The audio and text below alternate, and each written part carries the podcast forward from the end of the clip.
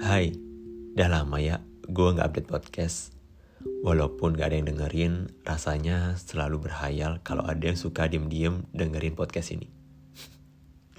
Maklum, pengen banget dikenal. Jadi hobinya gak halu dulu sambil bikin dari hal-hal yang kecil kayak gak mood ini. Gak mood podcast, by Yahwa. Tapi gak apa-apa. Yang terpenting yaitu gue berharap yang terbaik buat kalian semua dan jangan lupa, selalu jaga kesehatan di tengah hiruk pikuk banyaknya penyakit saat ini. Ngeri kan, abis ada COVID-19, ada lagi anaknya namanya Omikron. Jangan sampai ada adiknya, sepupunya, atau yang lain deh. Semoga semakin hari semakin pulih juga nih.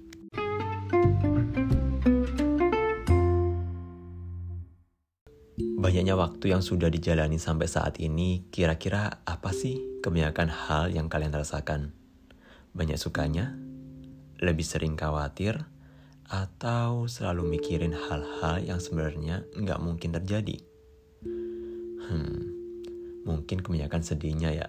Bahkan ada yang tiba-tiba nggak ada angin, nggak ada badai, pengen ngegalau sendiri malam hari biar ngerasa lega ngeluarin air mata yang sudah berhari-hari diumpetin di balik senyum meringis tiap ketemu sama temen atau orang lain. Hebat banget ngebadutnya. Tenang-tenang, gak ada salahnya kok it's okay. Kalau pengen nangis biar lega, wajar kan? Namanya juga manusia. Ada yang pengen nangis sendirian karena gak nyaman kalau cerita ke orang lain. Ada juga yang hobi banget curhat ke sahabat terus nangis habis cerita. Banyak caranya buat ngerasa diri sendiri biar lega, gak hadapin panas dinginnya dunia ini. Tapi walaupun begitu, jangan lupa untuk selalu menikmati waktu di setiap momennya. Banyak banget orang-orang yang kadang lupa memanfaatkan waktunya.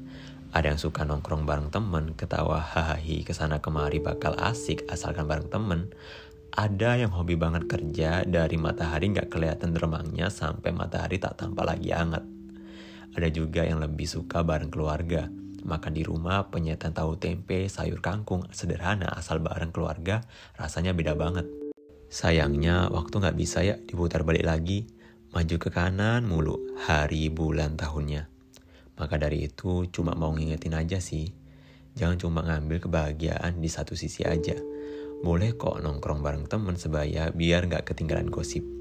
Tapi masa nyempetin quality time bareng keluarga susah sih. Mungkin ada satu kasus ya bahwa keluarga sudah tidak bisa memberikan kenyamanan lagi.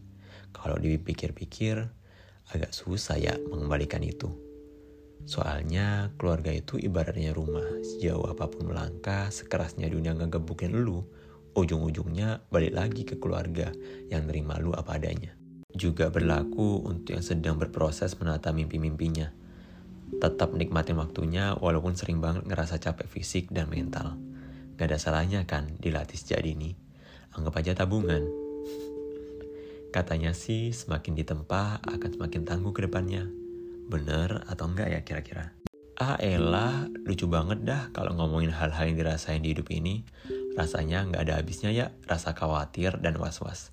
Kecuali lu emang financial freedom sedari dini kayak avatar. Tapi nggak apa-apa. Hidup nggak harus ngebandingin sama orang lain.